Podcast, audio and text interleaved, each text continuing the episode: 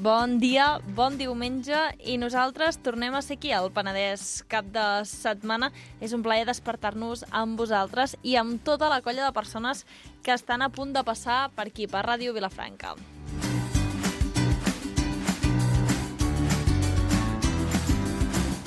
Començarem, com cada diumenge, obrint el quios del Bernat Martínez i amb ell analitzarem la Fura, el Cargol i el 3 de 8. Això sí, sempre amb la seva mirada irònica i divertida. I després de passar pel quiosc anirem cap a la llibreria. Començarà la foguera de llibres amb el Roger Freixa. Avui ens porta una selecció de grans pel·lícules o sèries que estan basades en llibres. Hem de parlar de, de literatura, lògicament. Algun d'aquests llibres que parlarem avui és Call Me By Your Name, Gambito de Dama, que va ser doncs, molt coneguda, o No és país para viejos. I després, ja ho sabeu, a partir d'ara, el penúltim espai dels diumenges el dediquem a visitar cellers del Penedès. Avui coneixerem a la Marta Giró. I sabeu allò que diuen de Rodamont i torna al bord? Doncs això és el que ha fet la Marta, que ha tornat a Giró del Gurner, i aprofitarem per parlar amb ella de la moda dels wine bars. I ens acomiadarem, com cada diumenge, amb l'Aina Soler i la Judit Jansà i el seu Blanco Negre. Avui ens descobriran un esport que és poc mediàtic, però que Vilafranca té esportistes de renom. És el patinatge artístic i coneixerem a l'Arnau Sánchez. Doncs això és el que passarà la jornada d'avui diumenge, que encetem ara mateix.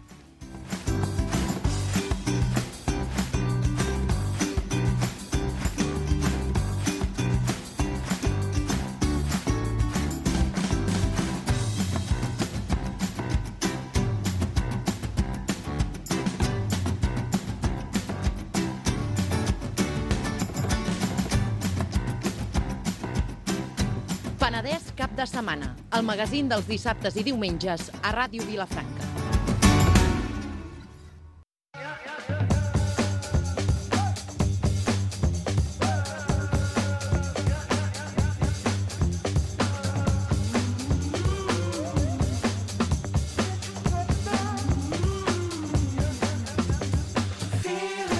Bernat Martínez, bon dia. Bon dia i bona hora. Com estàs? Eh, bé, eh, fa molt de fred, no m'agrada. Ja, ja, ja, això del fred està, està costant a tothom, eh? Sí, a més és la primera setmana en fred d'aquest... Eh, de fred punxant. I ens haurem, ens haurem d'acostumar, ens haurem d'acostumar. Bé, el que fem a aquesta hora és obrir els quioscos amb el Bernat Martínez. Tenim la Fura, el Cargol i el 3 de 8. Avui tots, Tots. en directe aquí. Increïble. Quin servei de qualitat. Servei de qualitat perfecta. I comencem, no? Amb el amb el, una cosa que es diu disclaimer. Sí, estimat oient, em dirigeixo a tu per avisar-te que els propers minuts escoltaràs certes afirmacions sobre certs temes que poden estar errades. No passa res. Volem fer una pinzellada de la premsa comarcal, no una tesi doctoral de cada tema. Vale, fet disclaimer. Fet el disclaimer. Ja, els- ja me l'aprendré de memòria al Sí, final. jo també. Al final ja serà com un mantra, això. Però Sí. és important fer-ho perquè en un programa de rigor com és aquest, on tot el que es diu és, eh, té tant de treball de confirmar... De, Sí, del checking, el sí, fact-checking aquest que es diu ara. I un treball de peri de periodisme excel·lent, doncs he de venir amb aquest disclaimer per poder estar dins del teu programa. Perfecte, molt bé, molt bé, Bernat. Quasi m'ofego, eh, Clara? Per què? Què t'ha No ho sé, passat? m- se m'ha quedat com aquí trebat un pollastre. Ah. No s'ha sen- s'ha sentit, jo crec Bueno. que l'oient se n'ha donat. Sí, bueno. Però si bueno. vols aigua o alguna cosa, si vols Sí. marxar, posarem una cançoneta i pots tornar, eh? Vale. No, no, No? ara ja estic bé. Ja M'he clavat la bé. gola i ja estic bé. uh, parlem el primer del cargol. Som-hi. El que ens fixem sobretot amb el cargol és Amb amb, la la portada, portada. que normalment ens setmana portava passada- famosos. Sí, la setmana passada No. ens va portar el Marc Giró, aquesta setmana Ah. ens porta Gincana de Tractors i Festa del Most. Ah, molt bé. No sé. molt, molt adaptat al... Festa del Most de la Ràpita, Penedès. perquè n'hi ha, ha diverses de Festa del Most. La de la Granada. la 48a edició, sí, però parlem de la Ràpita, no li robem protagonisme ara a la Festa del Most de la Ràpita, que per alguna és la portada del Cargol. Val. És la 48a edició que se celebra del 6 al 14 de novembre. De 6 al... El 14. Agafa un cagarro i esmorza. Ai! I després hi ha una gincana de tractors també a la Ràpita, Mm. el diumenge 7 de novembre. La, o sigui, la Ràpita és el protagonista de la portada del Sí. cargol, bàsicament. Sí, sí, parlant de famosos, pues, la Ràpita, és famosa. Sí, aquest diumenge, no? Aquest diumenge a la Ràpita, És la veritat, gincana de ja estem a tractors. novembre. És increïble, Clara. Em pensava que estàvem a octubre. No, no, estem a novembre, estem- sí, sí. Falta un mes, pa, un mes i mig per Nadal, ja. Bueno, prou de protagonisme per la Ràpita. Val. Passem a l'horòscop. A l'horòscop, som-hi, som-hi, som-hi. Va, els balança. Però balança vaig llegir la setmana passada, que vaig dir que era un, Sí, una vas dir tonteria. que era... Torna a llegir. Um, és, que, és que no me'n sé cap més de... Sé que el Piscis perquè és el meu, però ja està. Sagitari? Àries, Sagitari, val, Piscis? Sagitari. Ets peixos? Sí. Pues diuen que és el pitjor, eh? No, no, juro. tenim molta compatibilitat amb molta gent, ho vaig mirar l'altre dia. Increïble. Perquè, sí, per les parelles és molt important això, mirar la compatibilitat. Sí, sí, em va sortir un anunci. Tienes pareja tòxica, llavors sortia Piscis, Capricorni, el cor complet, sí, sí. O sigui que Capricorns i Piscis molt bé, per si algú li interessa. una secció especial sobre horòscop i signes Ah. del zodíac. Ah, Uh, comencem a parlar amb... Bueno, comencem a llegir Sagitari, Val. vale? que és una fletxa, un arc i una fletxa. Venus, el teu signe, potencia el teu carisma i t'ofereix un moment molt positiu per tot allò relacionat amb els sentiments. Donarà gust estar al teu costat perquè contagiaràs alegria. Qui Increïble. són Sagitaris? A quin dia, quin dia van néixer? estem parlant de les persones nascudes entre el 23 d'aquest mes, de novembre, i el 22 de desembre. I aquests transmetran alegria i... O sigui, tothom voldrà estar amb ells, no? Llegem a Esco- Escorpí també, tots els del nostre mes, els de? Els del mes de novembre. Ah, vale? Que els, vale. l'Escorpí és del 24 d'octubre al 22 de novembre. Molt bé. Per tant, uh, Escorpí, felicitats! Comença dient felicitats, eh? Ojo. El teu estat d'ànim serà molt positiu i cridarà l'atenció uh, cridarà l'atenció a la frescor i la naturalitat amb les quals et relacionaràs. Pots conèixer gent original i diferent que t'animaran. Molt bé, sí, això ets tu. Jo no sóc escorpí. Ah, no has dit que eres escorpí ara, ho has dit? Jo dic que era escorpí, Ah, ara. no sé, ho he entès això, i dic, quan és el teu jo, aniversari, Jo sóc no? Eh? Àries, Tu ets maig o així, por ahí. març. Març, això. 29 de Maig, març. març és el mateix. Sí, igual. doncs sí, Àries, els tossuts del, del zodíac. Els tossuts. Bueno, Cargol, ja hem parlat la ràpida i, i signes del, Del zodíac. zodíac.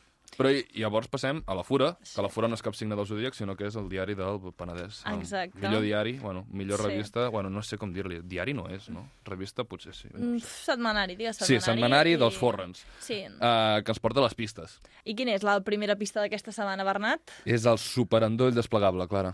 I què és això? El superendoll desplegable és un endoll que va a una, una cabina telefònica i es et surt amb una S dibuixada al pit. En sèrio? No, Ah, perquè és el Superman sisplau, superendoll. explica, explica el que Això de se m'acaba d'acudir ara, però és un acudit dolentíssim. Sí. Bueno, uh, és com un lladre, Mm? més card, i sobretot diuen que és útil perquè et, et permet uh, tenir més endolls, en aquest cas quatre endolls i dos d'USB, dos connexions USB. Ah, molt, Molt bé. útil, eh? Molt útil, Sí, sí. seria útil si els endolls fossin els que fem servir aquí i no els que es fan servir a Amèrica i al Regne Unit. Ah, d'acord. Llavors, clar, aquesta pista no és gaire útil i sobretot pagar 39 euros pues, tampoc surt. Perquè no hi ha l'opció... Perquè, clar, recordem que, per exemple, aquí es fan servir uns endolls, els dos endolls, o sigui, els dos piuets que tenim, que Mhm. sembla que sigui el més fàcil, el més normal, però és que a Anglaterra tenen un tipus, a Estats Units tenen un altre tipus. Sí. No sé quin és aquest, si el d'Anglaterra Llavors- o el dels Estats Units. És com una cara preocupada. Um, crec, que, crec que és als Estats Units. Pues és... Bueno, m'he inventat, m'he inventat. Bueno, pues això, un lladre que, no, que és inútil aquí mateix. Doncs molt bé, doncs seguim a la següent Seguim pista, a a veure si és una següent. mica més útil. No sé, perquè- les dues últimes encara, són, encara estan bé. La, la següent és una mascareta amb barba. Perquè estem a 1 de novembre i, bueno, 1 de novembre no. O sigui, ha passat l'1 de Estem, novembre. a veure, avui, avui estem a 8 de novembre, 7 de novembre, 7 de novembre estem. Vull dir que l'1 de novembre és quan es fa el canvi de uh, mentalitat. De, de castanyes De, a... sí, de castanyada a uh, All I Want for, Christmas, is, you. Hi ha un bar que ha prohibit aquesta cançó fins a l'1 de desembre, Molt perquè... Però la Maria Carell, has vist que ja ha fet un altre vídeo Sí. de All I Want for Christmas? cada, i, cada, I cada any. Jo Aquí- també en faria. Aquesta Faria noia d'or. és una gènia, o sigui, Sí, home, només clar. ha tret un hit a la seva... Bueno, suposo que algú més sí, però... I d'això viurà, i viurà molt bé tota la seva vida. Evidentment. És que si treus un tan bo com aquest... Ja, és que és molt viuria. xula, eh, la Home, cançó. El millor que s'ha fet mai. És La millor, la millor cançó. Ara ja, ja veig que el Joan Amat ens l'està preparant, ja crec. o, no, o està fent altres coses, eh? Potser està mirant el Mundo Deportivo a veure si al final el Xavi s'acaba d'arreglar tot plegat. Sí. Doncs, això que deies, perdona. Uh, parlem de el, la mascareta aquesta de, del Pare Noel. És el millor remei. Uh, per, els millor, no. El millor remei pels catalans que volen vestir aquesta mascareta, és una mascareta, eh? no és una màscara, és una mascareta anti-Covid. Uh, per, pels catalans que es volen disfressar de Pare Noel és regalant-los una màscara de tió. Saps com és una màscara de tió? No. Doncs estavellant un tronc al cap de totes aquestes persones que es volen disfressar de Pare Noel, perquè és el millor remei contra aquesta gent eh, tan desdenyable del nostre país. Existeix desde desdenyable en, cat en català? Jo no, oi? crec que no. Oi? Pues No, aquesta no, gent tan... Eh, no sé, Escolta'm, però l'altre dia vaig veure un tuit que vaig, vaig fer-li... Uh, M'agrada i tot, el cor aquell, Que, escolta'm, tu pots celebrar Halloween i la castanyada, les dues coses, doncs pots celebrar el Pare Noel i més regals, i no, el tio. No pots celebrar la castanyada i el Halloween. No, per què no? Per què no? Escolta, una mica, una resposta una mica més elaborada, sisplau, per Home, Martínez. evidentment que no, perquè si ets català has de menjar castanyes, panellets i, i vi Per molt ja que està. estiguin. Bueno, si tu no... A mi, jo no les puc menjar. Ja donaria el, el que fos per menjar-ne, però sóc al·lèrgic als fruits si vols no puc menjar. Però aquí, a Catalunya, se celebra la castanyada. Fora Halloween de Catalunya. Ja està, i punt. I no I ja- passa res. Es diu i ja està. I aquí es caga el tio, no? I no podem celebrar Exacte, el es Pare caga el tio i que no se celebri Pare Noel. A fer aquestes coses, pues que marxin, ja està. Que se vayan. Molt bé. És broma. Això és, és sonat molt identitari, però Sí. no, vull dir que cadascú... És broma, que no facin el que vulguin, que caguin el tio i prou. Va, anem a la tercera pista. La, és la millor. És calces i calçotets antipets. Ah, oh, això li aniria bé a molta gent. Sí, es diu Flatulence Underwear. Uau, i com Sí. funciona això? Aviam, uh, avís per interessats. Camuflen l'olor només, vale? Ah, El so no. I sobretot, si vem cua, uh, segui, seguirà atacant. Mm, per tant, avisats esteu. Si voleu comprar, no us penseu que es pot... Uh, això... Un festival dels sí, pets tan que tranquils. podràs tirar els pets que vulguis i que no t'empastifaràs el cul i que, i que camuflarà el soroll. No, no. Aquí només camufla l'olor. O sigui, tu pots tirar i el del costat no farà allò... Uf, D'acord. O sigui, que si algun dia dineu calçots Sí. o dineu cigrons o És- algun... és molt útil per la gent que domina l'art de les llufes. Si tu saps Sí. dominar el, el, el paterret i saps fer la llufa, llavors aquesta, aquests calçotets eh, t'aniran molt bé. Sí. Tu Sí, què ets sí. més, de petardos o de llufes? No, jo he, és tota la vida petardos i, a Ah. més, m'he entrenat molt en petardos a casa, però després eh, el el més útil són les llufes. Perquè, Ja. clar, quan vas a fora has de saber-les dominar. Has de, jo, en fi, sóc com un, mas, un mestre Shaolin del pet. No, Sí? no. No, el que últimament m'està... No et passa a vegades que hi ha gent que es tira llufes Sí. i que tu estàs allà i llavors no saps com reaccionar, perquè si no els acabes de conèixer l'altre dia em va passar justament a un bar, a un bar, de, Mm. un bar de copes. Algú es va tirar un pet i jo vaig pensar... O sigui, en l'olor feia molta pudor, Mm. però clar, tampoc vull faltar el respecte a la persona que s'ha tirat el pet, que no sé qui és, Mm? tot i que a vegades hi ha pets que tenen olor a persones. Ja. Això és així. I llavors estàs que no saps que no te'n vols anar del lloc perquè, i també et sents la por de que et diguin que has sigut tu i estàs així molt, Sí. molt difícil de gestionar, eh? Sí, bueno, a mi no m'afecta això perquè des de que he passat la Covid, que no tinc olfacte i que no oloro els pets dels altres. I això és tot un avantatge. Doncs sí, un Oi? gran avantatge. Que, per cert, la setmana passada algú estava buscant gent que no, que no hagués recuperat l'olfacte. Si algú vol, ja ho sap, el Bernat Martínez, el senyor de la Parra, Mm. el Jo puc ser un Twitter, conillet de proves, sí. us pot donar resposta. Sí, sí, sí, jo encantat d'explicar el meu trauma amb el- l'olor i l'olfacte. Ai, l'olor i l'olfacte, l'olor i el gust. Mare de Déu. El gust tampoc l'ha recuperat. Bueno, ara tampoc explicaré que està Sí, sí, historial, però bueno, sí, una, mica, una miqueta, però poquet. Uh, perdona, eh? Avui, avui estem començant Sí. el diumenge molt, molt Sí. tranquils, molt relax. Va, som-hi, anem. Que si Tema no... de la setmana de la Fura. Sí. Vale? Uh, és un meta-reportatge de la Fura parlant de la Fura, perquè és l'exemplar número 2000. Felicitats, Ah, la Fura. Felicitats, enhorabona. 39 anys de la Fura. Uh, L'any que ve uh, farà els 40, i és com ve la crisi. Per tant, molts ànims, la Fura. Ah, Ara mateix es distribueixen 25.300 exemplars de la Fura. Bueno, són les petites pinzellades que he tret del reportatge, Sí, sí. que m'ha fet gràcia. Molt bé. 25.300 pinzellades, ai, pinzellades exemplars. Avui estic per tirar, i només són les no sé quan del matí. Em fa mandra mirar el rellotge. Després, 90 minuts és el que tarda imprimir el, el, el, tots els exemplars. 90, 90 minuts. minuts, és més partit. distret veure com s'imprimeix la Fura que veure un partit del Barça ara mateix. sí, tan avorrits, Sí. no, els partits. Mm, mira'l, i m'ho diràs. I voldràs anar de, ràpidament a la primera impremta que tinguis al costat de casa a veure com s'imprimeix, jo que sé, el que sigui. Uh, després, titular. Titular de l'entrevista que hi ha dins de la Fura, que Ah. m'ha semblat impressionant. Bueno, es parla de, de això de la impressió, de l'equip que tenen, de la publicitat, però m'ha agradat molt uh, una entrevista que es fa a l'encarregat de, de la distribució, que és el Camilo Rahola Salleres, i que ja ha deixat anar el titular de que hi ha senyors grans que són a la porta de la fleca a les 7 del matí i si arribes 10 minuts tard, t'esbronquen. Vull dir, En sèrio? la gent gran espera amb molt de... Home, la fura és molt estimada. Sí, amb molta estima els exemplars de la fura. Sí. Per tant, mirem de no fer tard a repartidors Sí. i arribar a l'hora perquè la gent gran es mereix el seu exemplar i a més mm, li costa dormir i ha d'anar a la forn a passar el matí, doncs home, no es faci esperar tampoc. Exacte, sí, sí, sí, que per cert, no, no se'n parla de que abans la fura era més petita i la van fer gran? Perquè primer era És com el cargol. Sí, és ara veritat, era l'han fet. Mida, mida llençol, no fa tan poc, eh? Que és gran com el 3 de 8. Ah, sí, és veritat. Sí, són igual de mida. Ara els anem a comparar, però més o menys. Això era... Sí, és veritat, Sí, són no? igual. Són Això era... iguals de mida. Estava envejosa, eh? La Fura volia ser com el 3 de 8. Sí, Aquí hi ha una mica de complex d'inferioritat, eh? D'algun dels diaris. Jo crec que de la Fura més que el 3 de 8. És broma. Ara tampoc aquí farem una rivalitat entre premsa Mm. No, comarcal. tenen bon rotllo, eh, entre ells. Sí, sí, sí. ells. Passem al següent tema. Molt bé.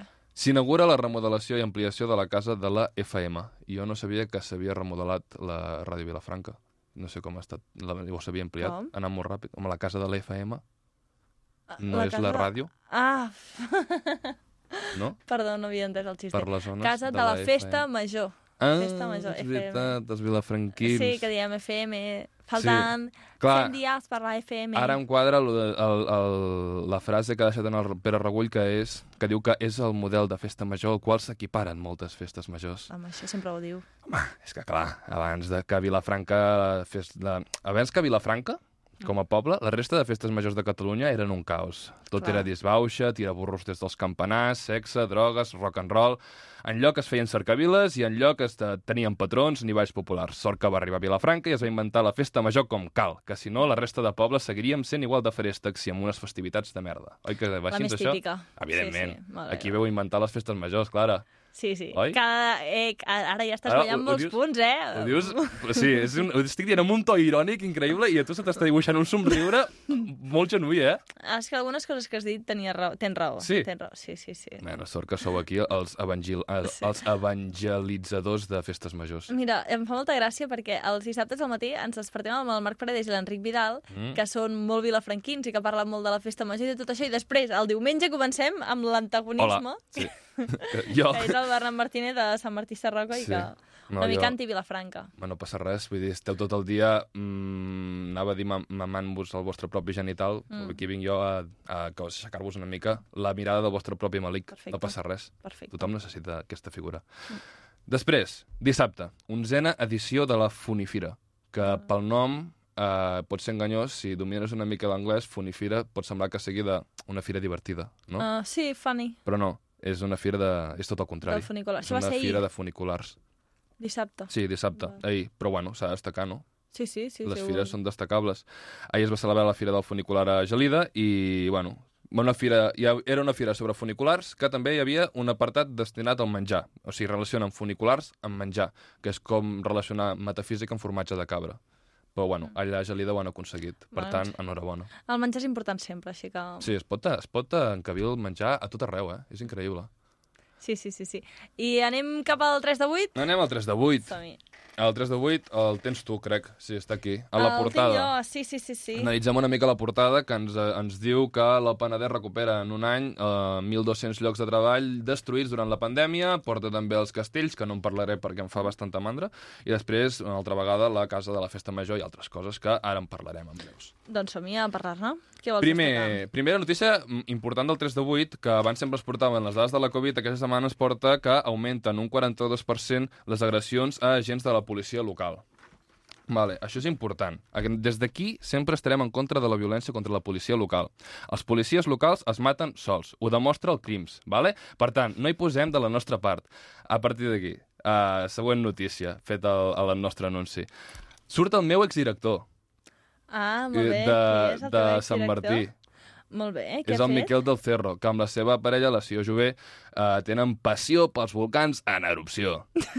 Això ho explica. És un... Ah, sí? Ah. Sí, és una entrevista era? molt Què tal era interessant. aquest, aquest director? Molt trempat, molt Sí? simpàtic. En sèrio? Sí, sí, sí. No, no. pocs que parles bé del exdirector de l'escola. Jo parlo molt... Home, jo he de parlar molt bé de la persona que va permetre que m'estigués 4 anys més a Sant Martí Sarroca i no hagués de marxar a Vilafranca. Vull dir, abans d'ell no hi havia institut a Sant Martí. Gràcies a ell m'he pogut estar més temps a Sant Martí. Molt bé. Hi ha, hi ha alguna foto d'ell? Perquè Miquel del Cerro només bueno, es veu una mica, sí. no? Bueno, es veu ell Amb fent una seu- foto, però crec que a la portada surten, no? A la parella. Jo no, no els Sí, estic home, sí. Ah, sí, sí, sí. home, sí. Clara, de veritat, eh? Sí, amb una, una parella així... se- Semblava que estiguessin bastant de viatge, Sí. eh? Molt, No, home, sí, molt és que estaven de viatge, també, Ah. no? Sí, sí, sí. Uh, es veu que de- n'han vist més d'una vintena des del 1996. Sí, bueno, res, Oh. l'entrevista explica lo de sempre, que és molt emocionant, que no se sap com durarà l'erupció de la Palma, que la gent de l'illa és molt trempada. És una entrevista interessant, que si us la voleu llegir, doncs endavant. Que xulo, molt Oi? bé. Sí, sí. Després, notícia tràgica, Clara. Què ha passat? Aquest any torna el Carnaval, als pobles penedesencs. Ah, allò que passa molt de fred i que Sí. tots s'encostipen. Segurament és la pitjor notícia de l'any, torna al xivarri, l'haver de sortir una tarda d'hivern i passar fred i l'haver d'aguantar una generació de gent incívica que va empastifar el teu poble mentre s'emborratxa i balla com si estigués fent aquallim, però sense aqua, ni llim, ni tenint més de 70 anys, però amb les mateixes ganes que la gent que fa Sí, aquallim. sí, sí. Eh, Tens tota la raó. Eh, Oi? això és per emmarcar, eh? De, de lo millor que has escrit o que has fet, que has pronunciat. Bueno, gràcies. Vinc aquí perquè se'm valori una mica, que la vida és una, és una pluja d'hòsties. Moltes gràcies, Clara. Estic a punt de plorar de l'emoció. No, no, és cert. Uh, seguim també, passat a la notícia tràgica, parlem del Consorci Sanitari de l'Alt Penedès, que és que ha premi premiat com a millor hospital. Ojo, que tenim el, Ah. el millor hospital i no ho sabíem, eh? De què? De què? Del millor hospital de què? Del món? No, de... diu Best Spanish Hospital Awards. Mm. Que sent uns premis espanyols que estiguin en anglès, no sé, és coses científiques que jo no intentaré desxifrar perquè jo sóc de lletres i per tant sóc Sí. tonto. Però bueno, uh, ha guanyat en la, a la categoria de- d'hospitals generals i de referència com a millor hospital al global de resultats i com a millor hospital al global de costos hospitalaris. Me sembla terrible. No sé què és, però és, és, Sí, és sí. terrible. Molt bé, molt bé, enhorabona. Enhorabona, hospital de. Vilafranca. Que el més Sí. important és qui treballa. Com? El més important és qui hi treballa a Home, sí, l'hospital. evidentment, sí, sempre, ah, sempre. dic, ara... No, no, és que no havia entès el que havies dit. Ah, d'acord, d'acord. Seguim i anem acabant. Uh, Torrelavit estrena mm. punts de càrrega de vehicles elèctrics a la via pública. Van tardar no sé quants anys a fotre un, punt, a, un, a fotre un pont per unir els dos pobles i en canvi ara són el més innovador de la comarca i ja, i ja es poden carregar cotxes elèctrics. Vale, bueno, uh, enhorabona Torrelavit per Sí. haver arribat al segle XXI. Sí, sí, no, no, i van amb marxes forçades. Sí, sí, dit. comencen i ja no, ja no hi ha qui els pari. Sí, D'aquí sí. poc allà faran un... un Una no estació sé, espacial, sí, una estació viatjar, espacial de la l'alcalde NASA. anirà a la NASA, sí, sí. sí, sí, molt bé. Uh, seguim amb que arriba la pizza de calçots al restaurant La Pícola.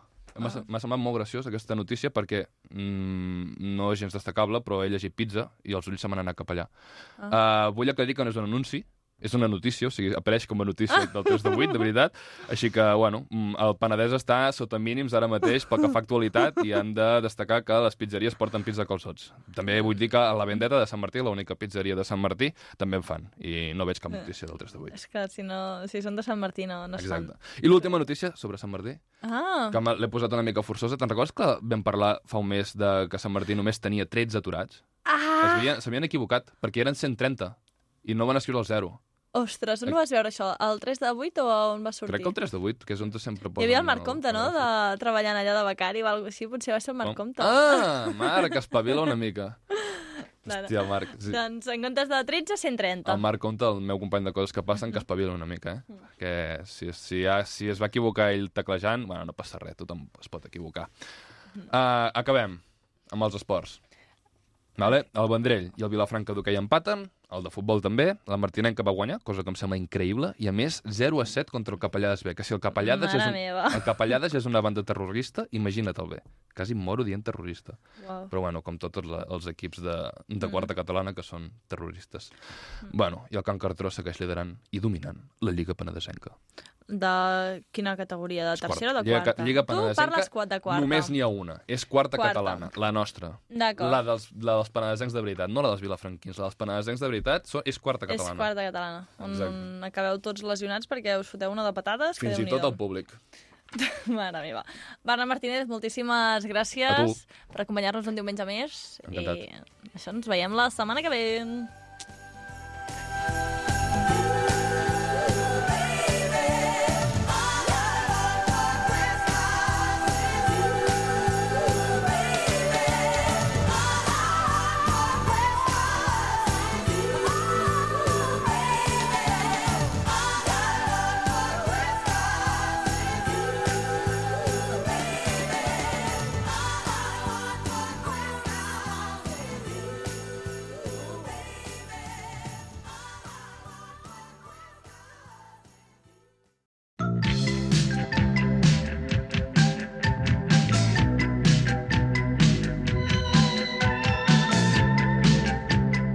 Aquesta hora és moment de parlar de llibres, és moment de la foguera de llibres amb el Roger Freixa. Roger, bon dia. Bon dia, Clara. Ben tornat, com estàs? Eh, molt bé, avui he preparat una secció que, que no va... Sí que té certa relació amb la literatura, que al final és el motiu d'aquesta secció, però és més de cinema. Ui, com ho farem, això? Com, com ho maridarem? Eh, Ara ho veurem. He portat és, un, és una selecció de cinc pel·lícules o sèries basades en llibres. I és allò típic de què és millor, el llibre o la sèrie pel·lícula? Exacte, moltes vegades hem escoltat allò de que la pel·lícula fa malbé el llibre Mm. i en aquests casos veurem que no. No, no estem aquí per, per dir que la pel·lícula o la sèrie sigui millor, ni molt menys, eh? simplement que són bons productes per, per veure i que mm, no estan malament. D'acord, doncs avui ens fixarem en sèries, en pel·lícules basades en llibres. Per quina comencem, Roger? Call Me By Your Name. No sé si l'has vista. Uh, no, no l'he vista, tot i que conec molt bé la portada, que és molt bonica, que és un noi amb un fons, fons del cel o del... Sí, un fons fons blau. blau sí. El, el protagonista ara és molt famós perquè ha tret eh, la pel·li de Dune, Mm. els que està als cinemes, el Timothy Chalamet, és el protagonista d'aquest- d'aquesta pel·lícula, basada en un llibre d'André Aziman, que també té una segona part, no tra- que tinc entès que no trauran eh, una segona pel·lícula, però sí que té un segon llibre que es diu eh, Encuéntrame. Mm. També he de dir, com a eh, curiositat, que la cançó, la sintonia d'aquesta secció està extreta d'aquesta pel·lícula. Sí, que la vas veure i vas dir, mira, aquesta, aquesta cançó ha de formar part de la foguera de llibres, l'hem de- d'extreure. Sí, sí, sí. Eh, per parlar una mica sobre la pel·lícula i el llibre, que és més o menys igual, eh, es tracta sobre l'Elio Perlman, que és el Timothy Chalamet, el protagonista, que és un jove de 17 anys que està passant l'estiu amb la seva família a una casa que tenen al nord d'Itàlia. És l'any 1983 i arriba a aquesta casa un nord-americà per ajudar amb, a son pare amb la feina. Elio, que és un gran amant de la literatura i la música, es passa el temps llegint, composant i tocant al piano. Quan arriba la- l'ajudant del seu pare, l'Oliver, que és uns anys més gran que ell, diria que té uns 20 i tants, o quasi 30, gairebé. A l'Helio li ensenya el poble, fan excursions en bicicleta, surten de festa, passen temps junts. I tot i que al principi eh, estan, es mostra fred ell i distant, aviat eh, comença a sentir una atracció per ell i s'acaben enamorant. Ah, Però bueno, veurem com acaba la, a la pel·lícula i el llibre i aquest seria més o menys la sinopsi. doncs ja hem descobert aquest primer, Call Me By Your Name, és la primera pel·lícula d'aquestes que analitzem avui, que està basada en un llibre, i si et sembla... Bueno, abans Digues. de dir que és una pel·lícula eh, molt emotiva, molt de silencis, de sensacions, i aquell que li agradi un cinema més relaxat, més lent, crec que és una bona pel·lícula per veure, que està a Netflix i a l'HBO. A Netflix i HBO. Això sí, doncs, si ets el típic que t'avorreixes molt ràpid, que dor- dorms molt ràpid, aquesta no és la teva pel·lícula. Exacte. D'acord, i anem amb la segona pel·lícula sèrie, si et sembla, que espero que també es pugui trobar a Netflix, no? Sí, Gambito de Dama. Aquesta sembla que no calgui presentació, és la història dels cacs. ni presentació, aquesta és... Eh, fa poc temps, es va estrenar fa un any, diria, més o Mhm, menys, Sí. i està basada en un llibre de Walter Tevis i bueno, la protagonista, l'Anya Taylor-Joy, que va agafar molt, eh, molt reconeixement a partir d'aquesta sèrie i és que és veritat, ella ho fa molt bé, fa un paper molt interessant i la, que ella, que és la protagonista d'aquesta minissèrie de set capítols, la Beth Harmon, és una nena orfa que cap als anys 60, en plena Guerra Freda, aprèn a jugar als escacs a l'orfenat amb l'ajuda del conserge. De, segui, de seguida desenvolupa un, un talent brillant per... Aquest, bueno, és considerat esport, em sembla, diria, els Sí, escacs. sí, sí, els escacs són un esport. I quan l'ad- l'adopta una família, quan marxa de l'orfenat, comença a apuntar-se a campionats. I comença a créixer com a professional, a guanyar tornejos i eh, també, paral·lelament a això, a veure, a veure, veiem com es desenvolupa professionalment, també veiem els seus problemes personals, familiars i fins i tot amb l'alcohol. Sí, els vicis allà doncs, també són importants. Sí. I és una pel·lícula també molt bonica estèticament, que ha estat Sí. molt reconeguda per la crítica, doncs, sobretot per l'escenografia i també doncs, està molt ben feta. Està molt ben feta. Avui dia, avui dia amb tots els eh, recursos que té el món del cinema, és difícil fer estèticament un, una pel·lícula o sèrie mal feta. Però eh, hem de reconèixer el treball de Gambito de Dama, que està molt bé i, i els capítols també t'enganxen d'alguna manera. Doncs ja hem parlat de dues, un cas una pel·lícula i una sèrie, es poden trobar les dues a Netflix, que han estat basades en un llibre, Call Me By Your Name i Gambito de Dama. Quin més hem d'afegir en aquesta llista que estem fent avui? Doncs mira, també a Netflix, això és, és curiositat, no he anat a Netflix i he agafat els, les pel·lícules o sèries Ah, basades dic, en llibres que no de sigui que Netflix. et paguin ara a Netflix. No, o... però, però és casualitat, eh, t'ho prometo. La següent és una pel·lícula que es va estrenar mm, relativament fa poc, es, di, es titula El olvido que seremos, que està basada en un llibre d'Héctor Abad Faciolince, Mm. no sé si el- no l'estic pronunciant bé, i al cinema la va portar com a director eh, Fernando Trueba. La pel·lícula... Eh, bueno, l'Héctor Abad Faciolince, que és el que va escriure el llibre, eh, va escri el va escriure per, per recordar el seu pare, perquè el llibre tracta de la vida del seu pare. Mm. Eh, aquest pare a la, a la pel·lícula el veiem interpretat per Javier Cámara, l'autor, ai, el- l'actor espanyol, que fa eh, de colombià, ell és espanyol, no té accent colombià, però és graciós perquè veiem com posa l'accent d'allà, no? Mm. I interpreta el pare, que es diu Héctor Abad Gómez, eh, un prestigiós doctor de, de Medellín, una ciutat de Colòmbia. A part de doctor, també era un home de família, molt carinyós, que sempre volia que a la seva casa i amb els seus fills hi hagués tolerància i amor, i també activista social. I en el context polític i social dels anys 70 a Colòmbia no era fàcil canviar les coses, i ell, i ell pretenia ajudar les classes més desfavorides i aturar la, la violència des de la seva posició una mica de prestigi. I veurem com, com li va eh, aquesta aventura d'intentar canviar les coses. Doncs ho podreu descobrir llegint el llibre de l'Olvido que seremos o si no, doncs veient la pel·lícula que està a Netflix i que està mm, protagonitzada per Javier Cámara, que és de Fernando Trueba, no has dit? Exacte. És una història basada també en fets reals i és com Call Me By Your Name per, per si vols sentar-te i veure un producte més lent, més de- d'emocions, més de tranquil·litat. Més reflexiu. La següent recomanació que ens portes també és tan reflexiva? D'alguna manera potser sí. eh, no és país per a viejos. Eh, va guanyar, crec que diversos Oscars, portada al cinema pels germans Cohen i basada en un llibre de Cormac McCarthy, un, un escriptor bastant famós de, dels Estats Units. A la pel·lícula surten actors com Javier Bardem, eh, Tommy Lee Jones, Josh Brolin o el Woody Harrelson, que ara sortirà a la pel·lícula de Venom, que han estrenat fa poc. I la història comença quan el protagonista, eh, estant de casa, troba dos milions de dòlars en un lloc enmig del desert on hi ha també camions i desenes de morts. Bueno, desenes, no sé, bueno, 10 o Molts 11 morts. morts. Sí. Sí. Decideix quedar-se amb els diners i aquesta decisió comporta que un assassí a sou, interpretat pel Javier Bardem, que va amb una pistola d'aire comprimit, matant a gent a, perquè sí, el comença a perseguir de ciutat en, en, de ciutat en ciutat per recuperar els diners i, i matar-lo.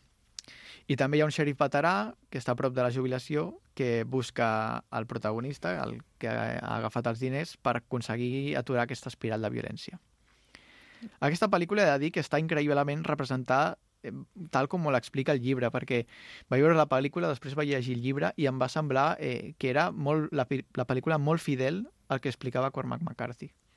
O sigui que al final, no, en aquest cas, no és país per a viejos, la pel·lícula i el, i el llibre, doncs, són germans. Sí, s'assemblen Mm. molt. A diferència de Call Me By Your Name, que trobem més diferències, fins i tot escenes que no apareixen a la pel·lícula, en aquest cas eh, sí que és molt fidel.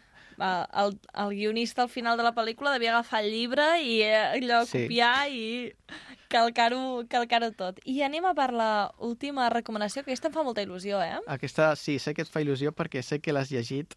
Eh. Gent normal, eh, la sèrie més coneguda com a Normal People, escrita per Sally Rooney, com bé dius, i portada, feta sèrie per Lenny Abrahamson i Hetty McDonald. Uh, els, els actors Paul Mescal i Daisy Edgar Jones interpreten a la Marianne i el Connell, dos joves que viuen a Sligo, una ciutat irlandesa, i s'enamoren durant la seva etapa a l'institut. Eh, veiem com avança el seu romans o el seu no romans perquè tornen i tallen diverses vegades fins al final de l'etapa universitària. Veiem com a l'escola secundària els companys de classe, que són amics del Connell, feien bullying a la Marianne, que a més eh, veiem com té problemes a casa, ja que té una difícil relació amb la seva mare i, i encara més difícil amb el seu germà, que és un poca vergonya. Ja ho veureu. El Connell, tot i ser un estudiant i un esportista exemplar, no fa directament bullying a la Marianne, però veiem com es calla i com... És còmplice al final, és còmplice perquè amaga la seva relació dels seus amics i no actua quan li fan bullying. Això està molt malament per la seva part i ve- veurem com, quines conseqüències té més tard. Mm. Eh, quan es retroben a la universitat, eh, tot i així, la història canvia i, bueno, no vull avançar esdeveniments. Eh, qui, vulgui, qui li interessi la pot veure, eh, Normal People. No sé a quina plataforma hi és, però el llibre el podeu aconseguir fàcilment a moltes llibreries. Doncs Normal People, que com diu el títol, doncs reflexa, malauradament, també perquè no tot el que s'hi veu és de color de rosa, doncs la vida de moltes persones i quotidianitats, i al final doncs, és molt fàcil sentir-te identificat en algunes de les, de les escenes.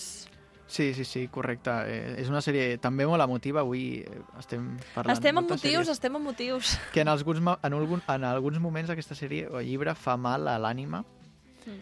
Però és força entretinguda i, i crec que és un, bonica de veure-la perquè potser veus la vida d'una altra manera després. Doncs, Roger Freixa, moltes gràcies per aquestes recomanacions tan emotives. Avui el que hem fet és seleccionar llibres, ai, pel·lícules o sèries que estaven basades en llibres. Hem fet el Call Me By Your Name, El Gambito de Dama, El Olvido que Seremos, No es País para Viejos i Normal People. Engrossem la llista de recomanacions teves, Roger. Molta... Ah, vols que digui alguna més? No, no, dic que l'engrossem, no, no, dic l'engrossem, l'engrossem, que ja estem fent una llista una mica llargueta. Sí, tenia sí, més sí. apuntades, però al final em vaig decidir per aquestes cinc. Sí, doncs algun dia, algun altre dia ja Podem fer una segona part. farem una segona part. Moltes gràcies, Roger, per parlar-nos de literatura i avui també de sèries i pel·lícules. Gràcies.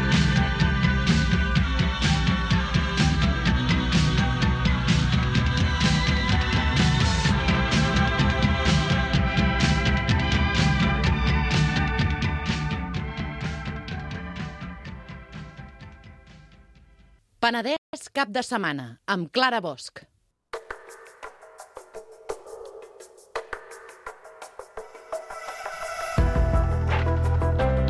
I ara, mentre rebem a la Marta Girous, volem descobrir una cançó nova de Kilòmetre Zero, un grup a mig camí entre Vilafranca i Barcelona que han estrenat Terra, Foc i Aire. nostre batec que cremava sota la nit amb la pluja d'estels.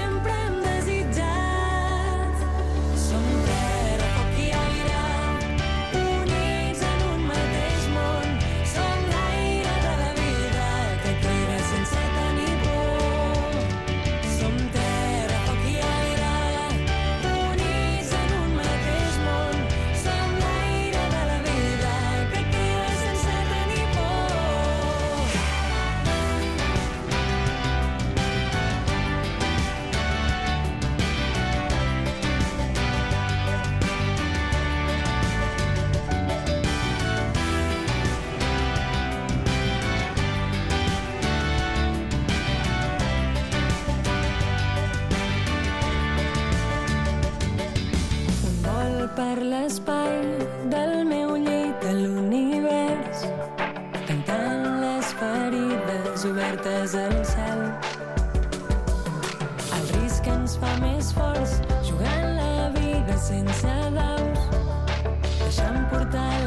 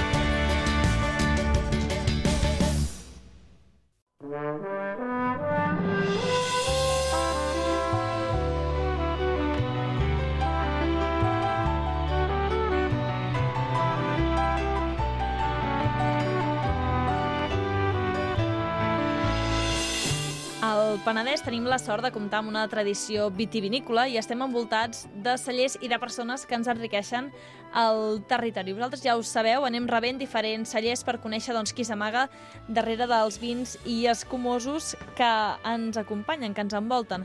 Avui tenim amb nosaltres a la Marta Giró, de Giró del Gornès, un celler petit, familiar, de Puig d'Alma, que a més amb la pandèmia han decidit ampliar-se i fer un bar de vins, un wine bar, que en diuen molts. Bé, feta la presentació, diem bon dia a la Marta. Hola, Marta. Hola, bon dia. Primer de tot, moltes gràcies per ser aquí i per la gent que no et conegui. Qui, qui ets, Marta? Val, bueno, jo sóc uh, neta, filla i germana de viticultors d'aquí al Penedès i gran part de la meva vida l'he viscut aquí al Penedès. És veritat que per la meva formació també he viscut a altres, altres llocs de, tant d'Espanya com d'Europa i fins i tot una, unes temporades a Àsia. I bueno, per canvis professionals vaig voler decidir tornar aquí al Penedès i dedicar-me a ajudar diguem, el meu germà, que és l'anòleg, ajudar a tirar endavant el que és el projecte familiar de d'elaboració de vins i caves. Doncs, si et sembla, aquí has anat molt ràpid explicant ah. tota la història. No, no, no, no, sí. Anem una mica més a pams. Tu, doncs, el que dius és que tu no, no t'has dedicat a l'elaboració de vins, sinó que tu tens una, una visió una mica més empresarial, no? La teva, la teva tasca, sí. al final, ara mateix a Giró del Gorner, quina és, Marta? Val, a veure, jo porto la part, diguem, més comercial, més administrativa, financera, potser és dir molt mm. amb una bodega tan petita, però sí, i sobretot la relació amb el client, i la que és la part enoturística del projecte. I justament has explicat no, que per la teva formació vas estar moltes temporades fora. A veure, què, què vas estudiar tu, Marta? Bueno, jo em vaig eh, llicenciar Economia, vaig acabar la llicenciatura a París i després em vaig llicenciar en Publicitat i Relacions Públiques. Vaig estar vivint set anys a Andorra com a consultora financera i pas, bueno, també treballar per una consultoria que es dedicava a fer temes de responsabilitat social corporativa, en aquest cas amb marques eh, de tèxtil molt conegudes a Espanya, i em, de, em passava temporades a Àsia, tant a Xina com a Tailàndia, Índia, eh, controlant que aquestes empreses seguissin el codi ètic eh, que marcava en aquest cas la, la, firma, la firma de roba. Sí, sí, que has voltat molt. Andorra, justament, que no, últimament és molt, és molt notícia. Andorra, no sé si també amagaves diners allà. O... no en tenia per amagar, eh? No, no, no era el cas, no era el cas.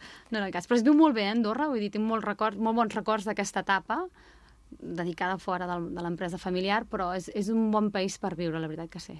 I com és que després de tota aquesta trajectòria vas decidir tornar, tornar a casa? Bueno, sempre hi ha un canvi personal darrere. En el meu cas va haver un canvi personal que vaig tornar a viure a Barcelona, Barcelona ciutat. També era més jove, ja m'agradava viure a Barcelona, però vaig fer un canvi professional que no em va sortir bé, un cop tornat a Barcelona, i, i, i bueno, el meu germà diu, ostres, necessito ajuda, necessito altres mans, Marta, eh, ell és l'anòleg, però clar, necessitarà doncs, una part una visió diferent de només, només l'elaboració de vins, sinó que acompanyis en el que és la comercialització, el que és donar visibilitat al producte. I en aquest cas doncs, vaig decidir provar-ho i la veritat és que formem molt bon equip. És molt fàcil treballar al costat del meu germà. Sí, perquè a vegades molta gent diu això de treballar en família o en parella, doncs que és una missió impossible. En el vostre cas, com, com us ho feu per poder-ho compaginar bé? Mira, nosaltres hem tingut, jo penso que ha sigut una part de sort i una part que també s'han treballat els pares. Nosaltres som una, una bodega 100% familiar, però és que a més la família vivim tots junts. Val? Els pares amb els teus germans i les famílies respectives. Sí, viviu a una mateixa casa, tots. Bueno, mm, al mateix entorn, amb cases separades. No compartim, diguem, el jardí. És com una comunitat sí, de veïns. Sí, com una comunitat? Sí. Perfecte, sí, sí, sí. I haig de dir que és que gràcies, no sé per què, però és molt fàcil conviure amb la família, amb la nostra família almenys, i el cas de la feina, uh, encara ha sigut més fàcil, perquè els rols estaven molt establerts, però d'una manera molt natural. Evidentment, l'anòleg, que és qui, el responsable d'elaboració dels vins, el responsable únic, i llavors hi ha una altra part, que en aquest cas potser era un projecte més meu, com era el tema més enoturístic i comercial, que, bueno, no, no interferíem uns amb els altres, sinó que ens acompanyàvem. I la veritat és que ha sigut molt fàcil. No, no... Hi ha gent que això, com tu, no pregunta, ostres, conviure amb la família i treballar amb la família tot el dia, en el nostre cas ha sigut fàcil. No, no té mèrit perquè ha sigut fàcil. Ara anirem molt en la vessant de l'enoturisme, però abans, per acabar de situar, aquest celler, ja ho has dit, és un celler familiar de treballadors. Treballeu la família? Teniu algun treballador de fora? Només... A veure, nosaltres, eh, a el que és el celler, només treballem el meu germà i jo. Mm. val? exclusivament. La finca, eh, el responsable és el pare, tot i que està jubilat, té, té un treballador, i puntualment doncs, eh, hi ha gent que ens ajuda a fer feines. No? Estem parlant en època de poda, com ara vindrà l'hivern, a l'època d'esporgar, esporgar, la poda en a la primavera també, la verema, dir, ens ajuden. I si necessitem un cop de mà, és que tenim la família, tirem pràcticament de la, de la família. A Giró del Gorner tenen la sort que tenen un entorn privilegiat, estan envoltats de vinyes i no sé quina... Suposo que també, a part d'elaborar vi, també sou pagesos, no? Bueno, nosaltres som viticultors, com diu el meu Viticultors, pare, nosaltres som pagesos, pagesos. Ara la finca, que té unes 50 hectàrees, està dedicada exclusivament al cultiu de la vinya i Mm. el nostre, o sigui, el nostre sentit, nosaltres som pagesos. El que passa que hem donat valor a aquest raïm elaborant vins, que sempre hi ha hagut el celler familiar i el pare es va posar a elaborar vins. Llavors, tot el, tot el raïm que colliu va per vosaltres o també el veneu a... Aquí, aquí molt bé, Clara. Ah, no, nosaltres elaborem potser el 20-25% de la producció de la finca, mm. la utilitzem per elaboracions pròpies, tant de vins tranquils, com serien el Sotadeu Penedès, com el Cava, val? vins escumosos. La resta de raïm el venem a, bueno, a grans productors que hi ha a la zona que necessiten, necessiten raïm. Llavors, ara la pregunta obligada, el preu del raïm, que cada any els pagesos es queixen, com, com esteu vivint aquest any? Bueno, jo, jo veig el pare tants anys lluitant, com molt pagès, molts pagesos d'aquí la comarca, i no se'ls està valorant el producte. I jo penso que això és molt trist. Nosaltres estem apostant, de fet el celler té capacitat per tot el raïm de la finca i cada any anem creixent una miqueta més perquè volem donar aquest valor, aquest valor afegit, aquest raïm que no s'està donant aquí al Penedès i que és, és molt trist perquè els pagesos estan treballant molt bé. Cada vegada s'elaboren vins més bons i gràcies a que tenim matèria prima més bona.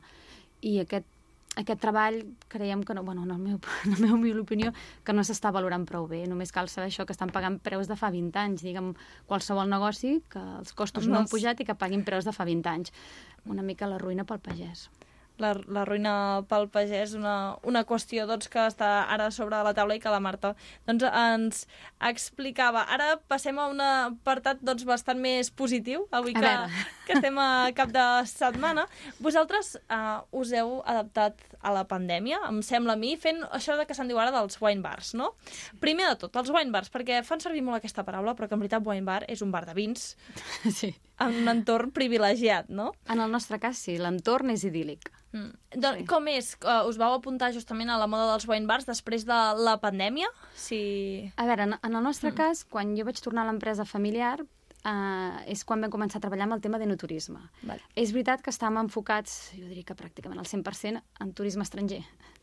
Que no, no, no, no sé explicar per què, eh? potser ens era més fàcil contactar, no ho sé, però o el turisme nacional no coneixia el Penedès, no ho sé, nosaltres treballàvem exclusivament en, en turisme estranger. Estranger, Marta, què vols dir? De, de la zona doncs, de- d'Espanya, de, d'Europa, de, de més lluny? En el nostre cas, potser puc dir que el 80% era americà. Americà. Sí, que és molt bon... En el nostre cas era molt bon públic, el cas del 80%, sí, podríem dir. Mm. I això, evidentment, amb la pandèmia es va acabar en sec. Val? Uh, llavors ja teníem una, un, un lloc on poder degustar vins i, de fet, la gent quan visitava sempre la botega i això sempre deia, oh, quin entorn més maco teniu. Llavors és quan vam decidir doncs, obrir una mica més al públic, com que no ens podíem moure gaire, no? doncs el públic del voltant, inclús és que puc parlar del, del municipi de Puigdàlber, que la gent potser no ens coneixia gaire i arrel de la pandèmia doncs, bueno, no podíem anar a gaires llocs i és quan va començar a venir a provar vins a les bodegues. No em dic Wine Bar, hi ha gent que està a favor d'aquest nom, hi ha gent que no hi està a favor, de cara a l'estranger Wine Bar ven molt, ens enredem, i hi ha gent que, doncs, bueno, tenim noms catalans molt macos per dir Wine Bar. A mi, nosaltres, en el nostre cas, és un lloc on venir a, a degustar els vins de casa, passar una estona i, i gaudir del paisatge. I com és que us vau animar a fer això del wine bar, justament en aquest context? Bueno, en el nostre cas, a veure, nosaltres la comercialització del producte en, en el mercat nacional era bàsicament a punts de restauració, no, no treballem en supermercats i això, restauració tancat, havíem, exportació també, països, bueno, uh -huh. la situació que tots ja coneixem, llavors havíem de donar una altra sortida a aquest producte. I, i vam dir, provem-ho, ja és això, és que teníem, la, teníem el producte, que era el vi, teníem l'entorn, era, en el nostre cas era molt fàcil fer el pas. I ho vam provar i n'estem molt satisfets. I ara mateix això que deies, que anteriorment, sobretot l'enoturisme, estava molt destinat al, al turisme exterior, al turisme més internacional, ara la gent, la gent que teniu, sobretot, és de, és de la zona, o ara que ja torna a haver-hi obertures, doncs ve una mica de gent de tot arreu, aquest wine bar. Bueno, uh, aquest estiu hem, hem començat a veure que tornen a venir estrangers. Val? Uh, els americans, que encara no, ara, ara sí, estem parlant del mes d'octubre. sí, sí, sí. Octubre han començat a venir alguns, però sobretot públic català. I, el, i, I de veritat, els catalans al·lucinant amb l'entorn del Penedès que no ens creiem el que tenim i, i quan venia públic sobretot de gent que venia de Barcelona, ostres, si això ho tenim al costat de casa i és preciós això del Penedès bueno, crec que entre tots estem donant a ajudar una mica, a posar una mica més de valor en el nostre territori.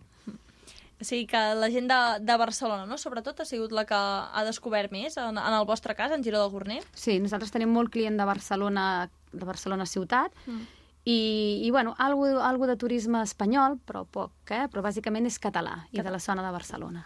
Molt bé, Marta, doncs mira, no només nosaltres volem fer-te preguntes, sinó que també hem rebut preguntes de gent que us recordem. Podeu escriure'ns o enviar-nos una nota de veu a cap de setmana arroba rtvvilafranca.cat i llavors, doncs, eh, aquesta setmana tenim dues preguntes per tu, si et sembla. Val. Les anem a posar, anem a per la primera. A quin públic ho enfoqueu? Al local o al de fora? Doncs mira, justament ja ho estàvem parlant Sí. una mica. A Sí. quin públic, Marta? A veure, a, a tot el que ving, vulgui venir a degustar vins amb un entorn de vinyes, la veritat. No, no, no, no pensem només en un públic. Val? No, tenim el, el, el, aquest espai obert de vinacoteca o wine bar els caps de setmana, però entre setmana sota reserves sempre obrim també per si és el públic estranger que no és d'aquí, que ve passar tota una setmana al Penedès, que tingui altres opcions. O sigui que al final tothom, tothom és, ben, és benvingut. Bueno, és que tothom que tingui ganes de, de provar vins i vingui amb, amb, ostres, això, amb, amb ganes de conèixer territori, ostres, és el que nosaltres el que sempre apostem, que, que coneixin d'on surt aquest producte, d'on surt aquest vi. Molt bé. Doncs, si et sembla, anem a per la següent pregunta, la última que ens han enviat. que yo fui hace un tiempo a un wine bar y me clavaron cinco pavos por una bolsa de patatas chips y yo lo creo, creo que es totalmente exagerado. No sé qué opináis al respecto. Estem parlant aquí de 5, 5 euros, 5 pavos. Sí, entenc que sí, no? 5 euros. Um, bueno, no sé, no sé què oferia aquest, aquest espai, si wine bar, si, si oferia alguna més per aquests 5 euros, no, no ho sé, si era una, patata, una bossa de patates gegants o una, una qualitat de patates extraordinària. No ho sé. A priori potser sí que sembla una mica, no sé, fora to, però, però valorar el que fan altres, altres wine bar és difícil sense conèixer on... Jo penso que nosaltres el que hem de valorar és, el, és els vins i és veritat que la gent vol menjar i beure i que hem d'acompanyar aquesta copa amb algo que la gent pugui picar. Ara, mm, se'm fa difícil valorar si 5 euros... A priori 5 euros em semblen molts diners, però també hi, potser altres, altres coses més a valorar, si l'entorn, el servei que oferien... No ho sé, ja et dic, si la bossa de patates era per 10 persones i no per una, no ho sé. Bé, no, no entrarem a valorar, no sabem més els detalls, això sí, 5 Sí. euros per una bossa de patates, de moment, encara és car, tot i que estan pujant molt els preus, però... A priori sembla exagerat, sí. Sí, sí, sí, encara, encara és car. Bé, moltes gràcies, les preguntes que ens han enviat i que us recordem que podeu enviar-nos totes les que vulgueu a cap de setmana arroba rtvvilafranca.cat i Marta, ara el que ens agradaria és anar a fer una cata de vins, et sembla bé? Perfecte.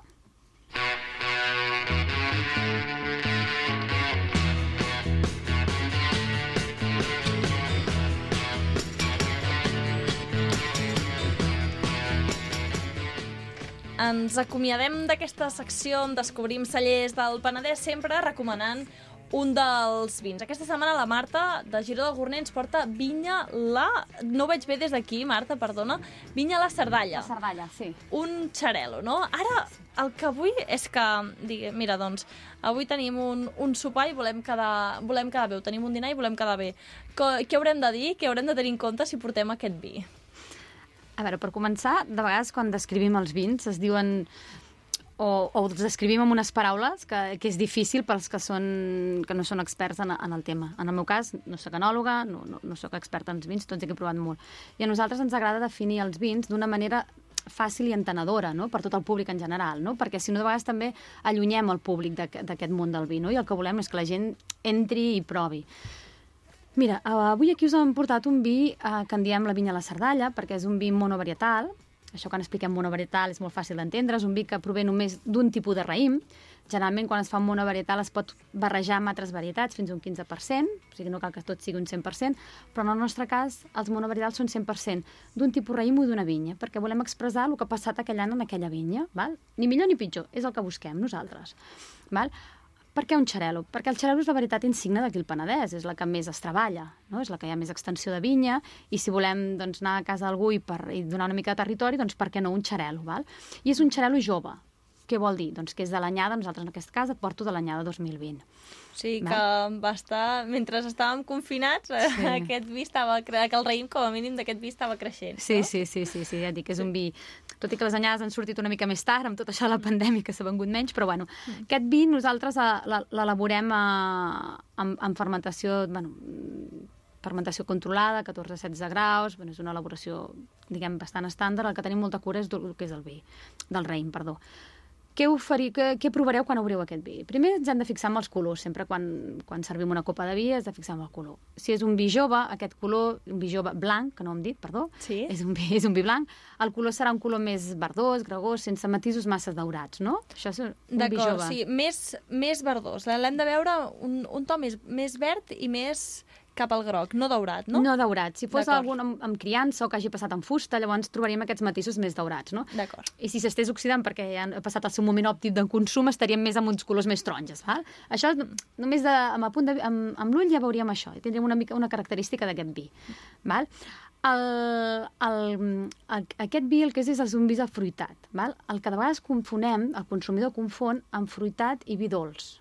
Exacte, sí, perquè és el que, és el que pensem, afruitat, que és com, doncs, sí, més dolcet, més... No. Sí, això sempre ens agrada repetir-ho perquè en el cas de, la, de, de casa els vins ens agraden secs i només elaborem vins secs, val? però com que notes en nas, notes aquesta fruita, et penses que en boca et vindrà tota aquesta dolçor. Val? I hem, això hem de desmitificar-ho, no? perquè també quan dius, ostres, vins afruitats, hi ha gent, ui, ui, a mi vi el dolç no m'agrada, eh? No, no, no, no confonem dolç amb fruita. Val? I llavors, quan el proves, aquest xarel·lo és un... A veure, el que busquem amb aquest vi és que no sigui que sigui un vi que no, no tingui punta, o sigui, que t'amores... A veure, que sigui molt sedós en boca, no? que t'ompli la boca. Val? Que no tinguis... Diu, és que una, té una acidesa, perquè el xarel·lo té una acidesa emmarcada, però una acidesa ben, que ben treballada, que et dona un punt de frescor, però que no, no, no et molesta en segons quina part, val? de lo que és, la, en aquest cas, la boca. D'acord, sí, no molesta seria allò típic de que... Que salives. Que fas, sí, que salives, que fas una Sí. cara quan estàs provant el vi que dius, ui, això... Sobretot quan comences a beure vi, que sempre passa, doncs... No faràs Això no ganyotes. no farem ganyotes, Això, aquesta exacte. acidesa no et Sí, farà sí, fer sí. ganyotes, sinó que et netejarà la boca, et serà un, vi molt, molt fresc en boca. D'acord. I després hem de tenir alguna cosa més en compte d'aquest vinya a la Cerdalla? A veure, molta gent et pregunta els maridatges, no? Sí. Com, com fer maridatges amb els vins? Nosaltres sempre diem, bueno, primer has de saber quin tipus de vi t'agrada, que estàs més disposat a provar, de vegades no sabem ni descriure quins vins ens agraden, i quin tipus de menjar, no? Perquè a vegades, ara que està de moda el tema del veganisme, molta gent et ve a la bodega i que hi ha gent que és vegetariana o vegana, i clar, tu els hi vols maridar amb un tros de fuet. I et diran, pues, pues no. Primer has de saber els gustos de l'altra persona, no? Però aquests vins que són tan frescos, eh, si tens algo que té un punt de, de, de greix, pot ser un tipus de formatge greixós o un tipus d'embotit greixós o un pernil, aquesta, aquesta frescor et neteja aquesta, aquesta grassa d'aquest producte que estiguis menjant. O sigui que amb productes greixosos seria, seria Sí. una, bona, una bona opció. Marta, has, has venut molt bé aquest vi. Aquesta hora, a aquesta hora no toca, perquè, mare meva, no, no, no ho faríem tan aviat, però un plaer descobrir aquest vi. Convidem a tothom a que el pugui provar. Vinya la Cerdalla de Giró del Gorner. I el que... Bueno, primer de tot, moltíssimes gràcies per, per acompanyar-nos i per descobrir-nos doncs, tot el que s'amaga darrere de Giró de Gorner i també de, de tu, Marta. I ens acomiadem, si et sembla, amb una cançó que té relació amb el vi. Perfecte. Sí? Doncs moltíssimes gràcies. A vosaltres per convidar-nos. I escoltem el Jo Mai Mai de Joan Dausà, que és que converteix un sopar amb amics on no hi falta vi en un joc de la veritat, el famós Jo Mai Mai. No sé si hi heu jugat mai, però acomiadem la Marta amb aquesta cançó.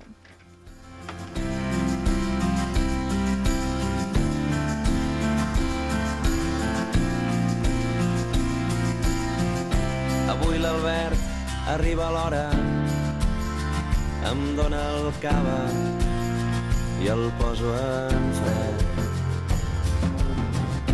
I arriben l'Hèctor i la Clara, porten la nena dormida en el cotxet.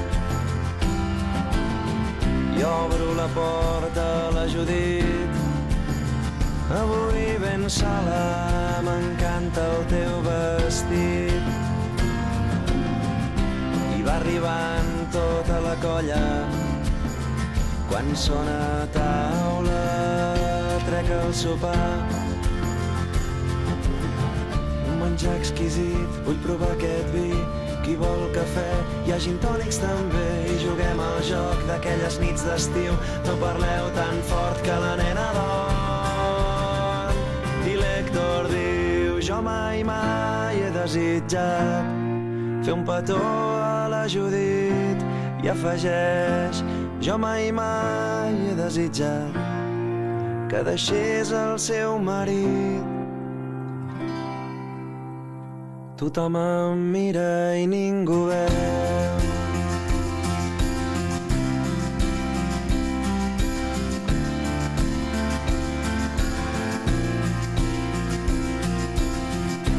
I aquell dard emmetzinat se m'ha clavat al cor i ho reconec i faig un glob i veig que tots riuen de cop, però la Judit aixeca el got. Em mira i diu, jo mai, mai no he pensat que seria més feliç al teu costat. Jo mai, mai no he pensat que seria més feliç al teu costat. I jo em congelo i ella veu.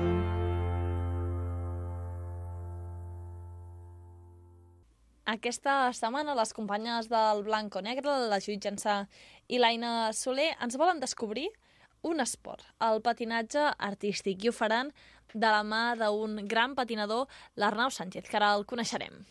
Sabies que un equip català de patinatge artístic és el tercer millor del món? Això és blanc o negre i avui parlarem de patinatge artístic.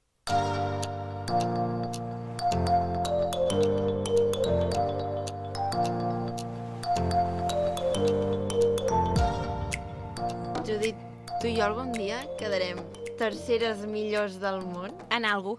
En, En alguna cosa És a la que és- vida. És curt de dir, però... És molt, és És molt molt. fort, eh, ser el tercer millor d'alguna cosa al món. Què, què se'ns dona bé? Què, què creus que podríem és, fer? és que ni les cinquenes.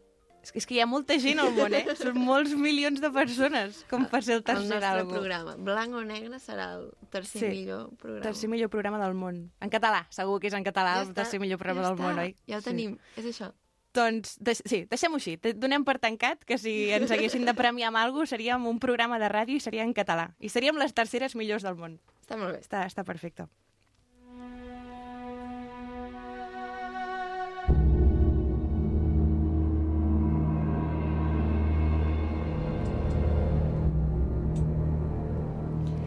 Doncs això que estem escoltant és la cançó que va fer arribar a l'equip de l'Arnau Sánchez a ser els tercers millors del món en patinatge artístic en modalitat de quartet mixta sènior. El Vòrtex de Cunit van quedar primers d'Europa el dia 31 de juliol, fa, fa un parell de dies, i això els va portar a Paraguai a celebrar el campionat mundial aquest 9 d'octubre. I avui, com no podia ser d'una altra manera, tenim amb nosaltres a l'Arnau.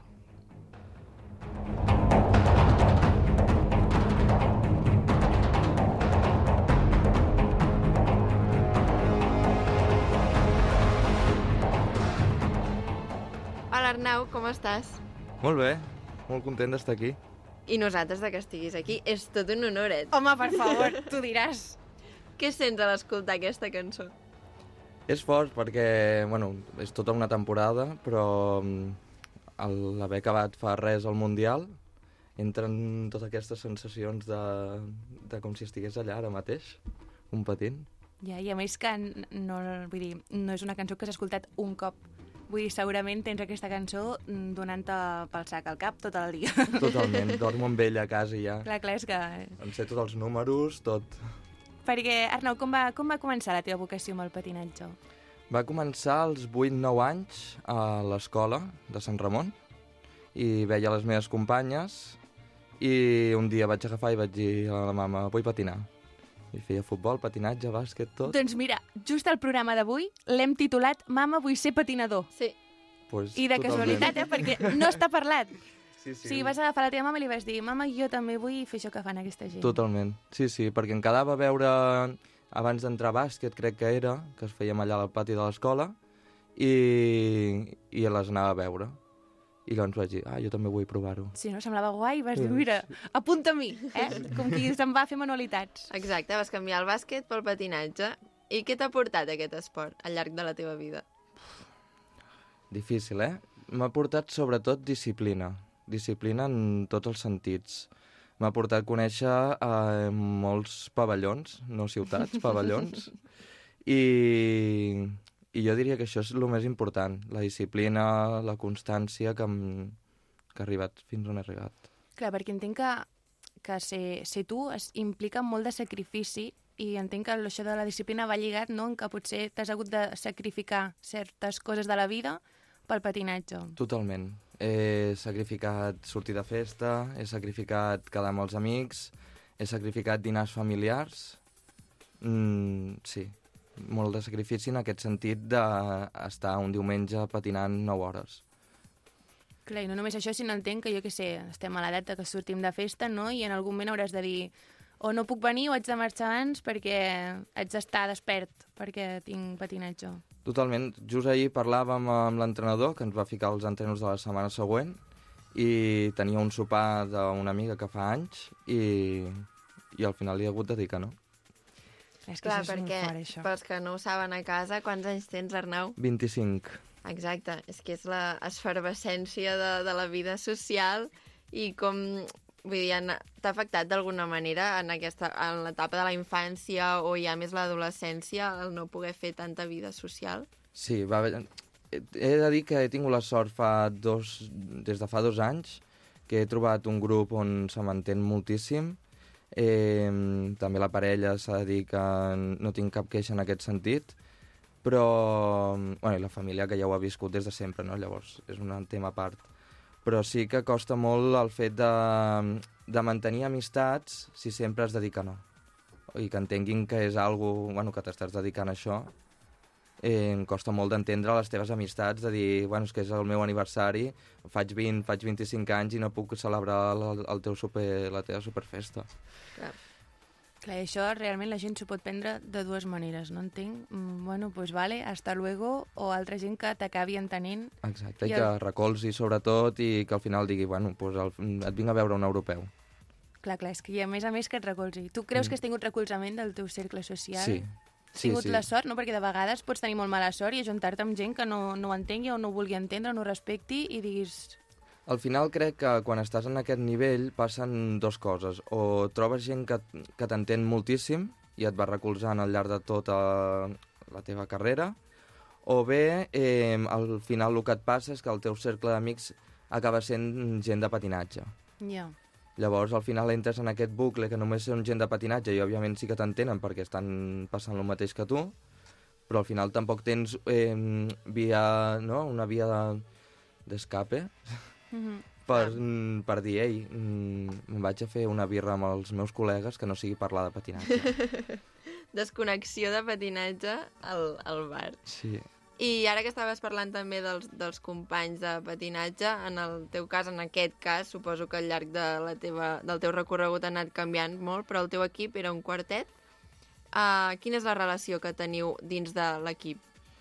És, és bona, és bona. Sí que és veritat que, és que també és, hi ha gent que té 19 anys, una altra que té 21, dos que són 20 de 25, i llavors també estem, jo crec, en processos diferents. No? Quan vam anar al Mundial hi havia gent que, que era el primer cop i era molta emoció, i els altres diferent, però ens portem molt bé, o sigui, vam anar de vacances junts per fer equip, fem sopars, fem... o sigui, ens portem molt bé fora de la pista també, que crec que és el que interessa. Clar, és que al final, entre entrenaments, viatges i tot, deveu passar un munt d'hores junts. i, i també deu ser important portar-te bé amb el teu equip per totes aquestes hores que has de passar amb ells. Totalment. I a sobre també el curiós és que, clar, com que els quatre hem fet individual, en algun moment o altre també ens hem trobat a la pista sent rivals. Això pot passar. Clar, i llavors, perquè ara mateix, quan es va form formar aquest quartet, eh, sí que és veritat que érem dos del nostre entrenador, que érem del mateix club, però hi ha un que és de Girona, el David és de Girona, i l'Ot és de Manresa. Vale. Llavors, mm, Clar, clar, sí que per coses de la vida pot ser que en algun moment... Clar, clar, Inclús que us sents els dos petits, que encara són els que encara estan fent individual, eh, van competir junts a- d'individual aquest mateix any mentre es feia un quartet junts. Vale. I hi havia pique o què? Allò de les pel·lis, de que tu ja saps que aquesta persona... Mm. O sigui, hi passa, eh? Que us semblaria mentida, però passa. Entre ells no, perquè es porten molt bé. Però, però passa bastant. O sigui, rivalitats de clubs que no es poden veure... I sí, i ara sobretot a Itàlia, mm, Espanya... Entre països, eh? Sí. sí, ja no és allò de... És que he conegut aquesta persona tal dia o és amic de... i no em cau bé, sinó de país a país. Mm.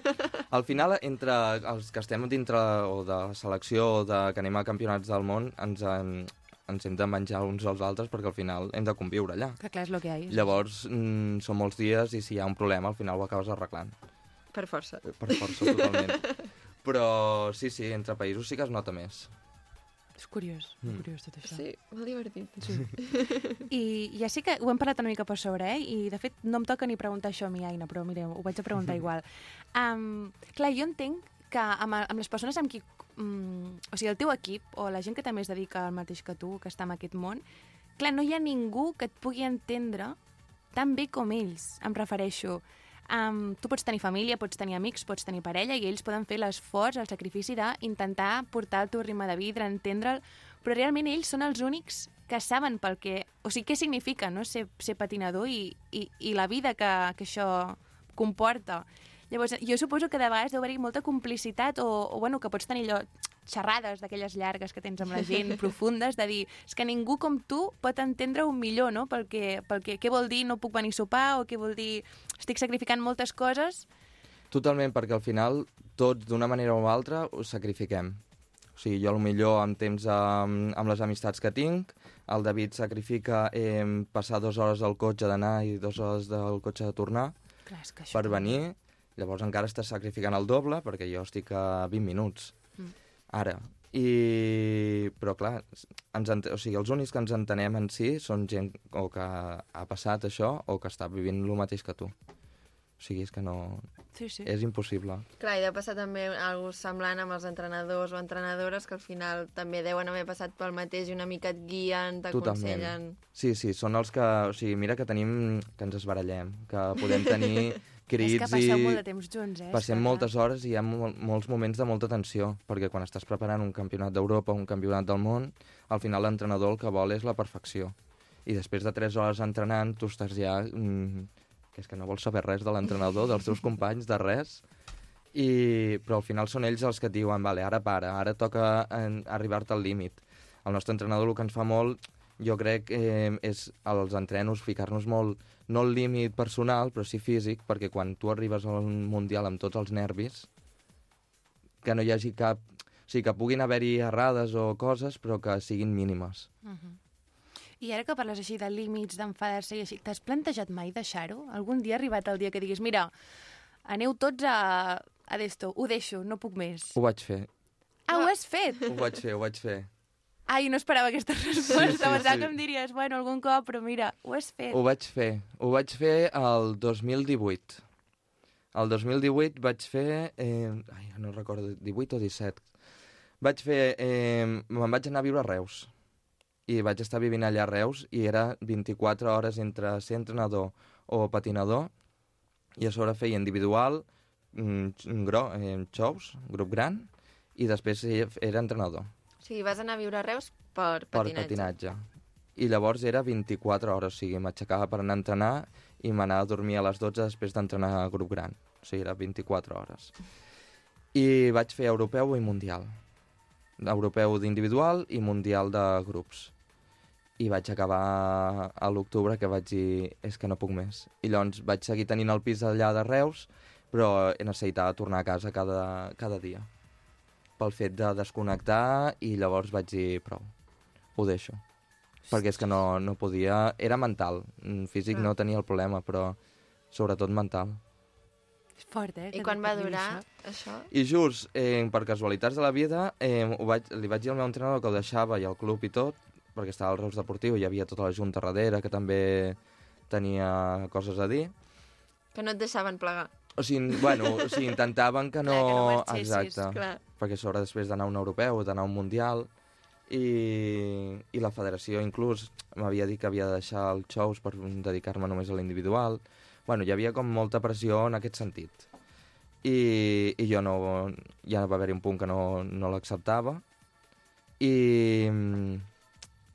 I llavors vaig dir prou. I llavors, per casualitats de la vida, al cap d'una setmana em va agafar apendicitis.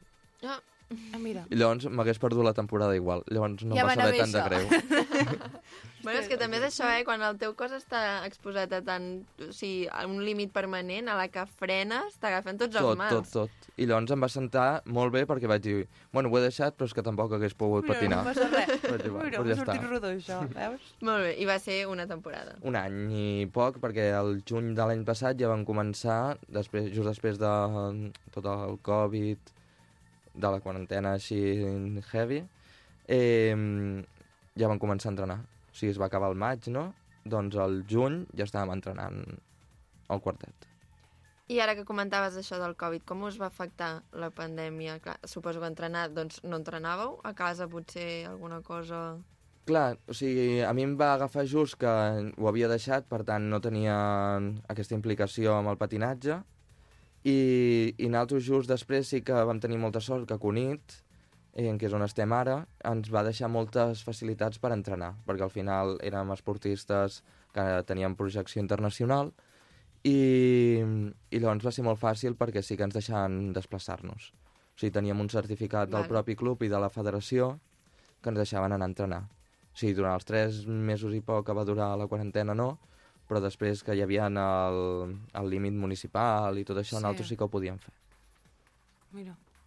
Si haguéssim set patinadores, Aina, hauríem pogut Exacte. sortir a Vilafranca. I llavors tema campionats, tornejos i tot això, restriccions... Clar, es va parar durant tot un any. O sigui, l'any passat no es va fer cap Vale. competició, just els, vi, els hi va agafar... Parlo d'ells perquè jo no estava competint en Mhm. aquella temporada. Però la temporada passada els hi va agafar just de, que havien de fer el campionat d'Espanya de grup shows i els hi va agafar just el cap de setmana que es va haver-hi que es va tancar tot. I llavors van perdre tota la temporada. Un descans. Sí, va anar bé, jo crec. Sí. Sempre va bé, oi, Arnau? Sí, a tothom li va anar bé, em sembla, aquests descansos. Sí.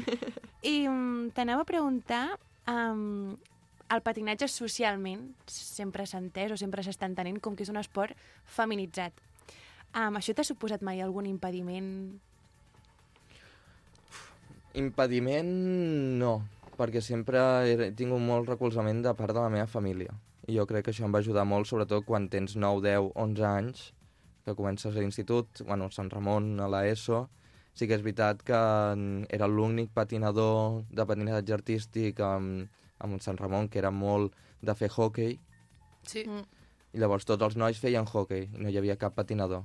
Llavors això sí que va costar una mica. Clar, perquè quan ets més gran, mira, de vegades te la bufa una mica, no? Però quan ets Exacte. tan petit i estem tots els estímuls i tot això, estem molt socialment... Ha I de ser difícil. Era, era molt difícil perquè al final sempre em, em deien el marica de l'escola Clar. i ara que m'ho digui no tinc cap problema perquè sí, lo soy. Gràcies. Però, mm, no, però és veritat, fins a arribar a aquest punt d'acceptar tot i quan tens 15-16 anys no saps el que t'agrada, no saps absolutament res i t'estan dient alguna només perquè fas un esport i perquè hi ha mm, 50 nenes i un nen. Però després, quan comences, a, sobretot, a fer més campionats, que veus que hi ha altres nois, que els altres nois passen exactament pel mateix que tu, doncs és que, clar, no té res a veure amb la teva orientació sexual. T'estan dient per, per dir. Sí, sí, per Sí, prejudicis, per lo fàcil. Exacte. I després de tots aquests reconeixements que has anat rebent, primer d'Europa, tercer del món, què han suposat per tu? Com et sents amb aquests títols? han sigut molt importants, perquè jo amb el grup de Reus vaig quedar quart i cinquè del món, i llavors sempre estaves allà, que arribaves, no arribaves, i de cop nosaltres no, no teníem plantejat per res, perquè era el primer any que fèiem quartet, ens havíem d'adaptar molt entre nosaltres, era el primer any de presentació internacional, i de cop arribes a Lleida, quedes campió d'Europa, i dius, ostres, que això va... Cuidado que va en sèrio, eh? Va molt en sèrio la cosa, eh? I després al Mundial eh, sí que és veritat que en teníem una intenció diferent, sí que no era el resultat que després de cada campions d'Europa pues, al final tens al cap, però, però ostres, és que som campions És si que clar, tercers del és món molt fort, és, eh? molt, és molt important. I, i el que, sobretot, és personal perquè reconeixement dintre de l'esport mm, no en tenim. No tenim aquesta plataforma que avui sí que m'esteu proporcionant a mi o al Pau Garcia, que és el del nostre club, que també ha quedat campió del món d'individual, que ha fet història. Doncs, bueno, doncs a poc a poc es vagi començant a veure que és un esport que també que hi ha molt de sacrifici, que hi ha moltes coses a darrere, moltes hores a darrere, molt de treball que no es veu, i, i crec que al final doncs, que a poc a poc aquest reconeixement es farà molt més social. Vols dir que jo no es visibilitza massa, Exacte, no? no? No té prou reconeixement. No. Dintre de l'esport sí, dintre del, del món propi del patinatge sí, perquè al final el, el que aconsegueixes tenint aquests reconeixements, aquests premis, és que al final tinguis treball d'un futur. Perquè ara mateix estic de corògraf a Madrid, eh, m'han trucat també de Vic, i tot és arrel de, també de com vas quedant, d'on estàs situat en, en les competicions. Clar. És l'únic. No, clar, és que ja et poden trucar de molts llocs a qualsevol estació Mm. del món amb alguna Home, sí, però sí que és veritat que d'esport sempre penses en futbol, bàsquet, els típics, i aquests no, no donen tant. I després de ser els tercers del món, ara què toca? Què tocaria? Ser els campions del món. És aquest, eh, És l'objectiu? l'objectiu... L'any que ve primer. Sí, I llavors com funciona això? Torneu a ser vosaltres quatre, però feu una actuació diferent? Es fa una Exacte. actuació diferent. Mm, cada temporada es canvia l'actuació. El Però ball... seguiu sent el mateix equip. Exacte. Vale. I llavors l'any que ve doncs, has de passar per totes les fases de competició, que són territorials, Catalunya, nacional. Per tant, has de, ser, has de tornar a ser primer d'Europa per poder anar... No, has de ser campió o segon de- d'Espanya.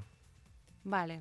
I llavors tu et classifiques pels campionats internacionals eh, amb els nacionals. I llavors eh, la Federació Espanyola porta els dos millors quartets de- d'Espanya. Vale. Mm. Mm. És que no sé, no sé com funciona Si això. pots quedar el que vulguis a l'europeu, que sempre portaran els dos millors. Vale. I ara ja per anar, per anar acabant una mica, quin és el teu millor record del patinatge, la millor actuació que has fet, el millor moment? L'europeu. L'europeu, bueno, va ser, sí, els dos europeus, tant individual com, com l'últim europeu amb quartet. L'europeu individual va ser una recompensa personal de molts anys, que al final em van treure internacionalment d'individual amb un europeu, amb la selecció espanyola, i, i llavors aquell moment de- d'estar allà, veient amb els teus ídols, perquè al final estàs competint contra els teus ídols, i, i va ser molt, molt xulo, molt xulo, molt xulo, molt xulo.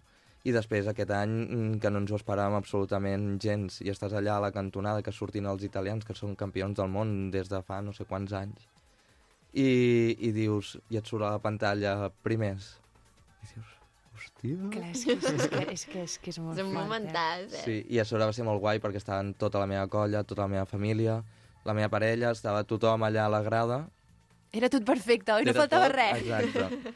I, I tens algun moment dur, el pitjor moment que hagis tingut? Perquè entenc que el patinatge, igual que t'ha portat coses molt bones, també hi ha hagut moments de bajón.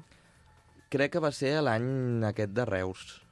L'any que ho vas deixar. Sí, sobretot ja cap al final, que era sobre l'europeu, aquest de que parlo d'individual, va ser just per festa major de Vilafranca i com a vilafranquí això em va tocar molt. Eh, I després tornar just a l'europeu, passar un mes, anar-te'n a un mundial i va ser una temporada molt agobiant perquè al final estàs sol a Reus, perquè tothom, els, amb els altres companys estaven passant exactament el mateix, que no tens hores ni per descansar i les hores que vols és dormir o estar tirat al sofà sense fer absolutament res. i crec que va ser aquesta temporada d'estiu finals setembre-octubre que va ser com dura psicològicament. Doncs Arnau, mm, moltes gràcies per haver vingut. A de veritat, vosaltres. és És un, tot un és un plaer que puguis venir aquí i explicar-nos tot això. De veritat, em sembla fascinant. Aina, Sí. que bé que ho fem. Moltes gràcies.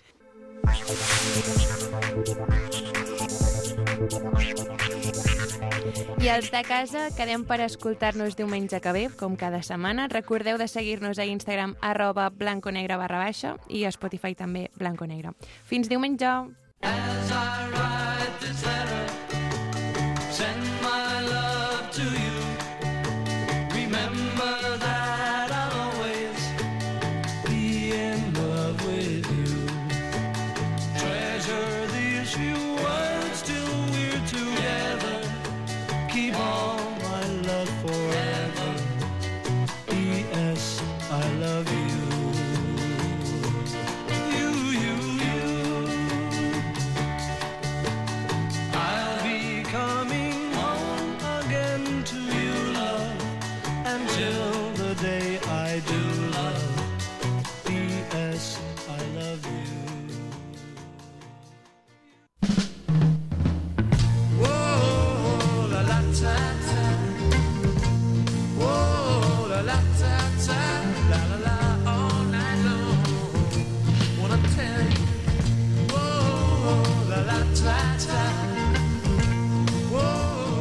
ja arriba el moment d'acomiadar-nos. Avui aquest programa l'ha fet possible els periodistes Bernat Martínez, Roger Freixa, Aina Soler i Judit Jansà, els convidats Marta Giró i Arnau Sánchez i a la màgia dels piuets, el Joan Amat. Moltes gràcies per acompanyar-nos. Espereu que tingueu un bon diumenge i, com diuen els Stones, good times. I got my plans, I don't know about you. exactly what I'm gonna do. Get in the groove and let the good time roll. We gonna stay here we soothe our souls to the take all night long. It might be one o'clock and it might be three. Time don't mean that much to me. Ain't felt as good since I don't.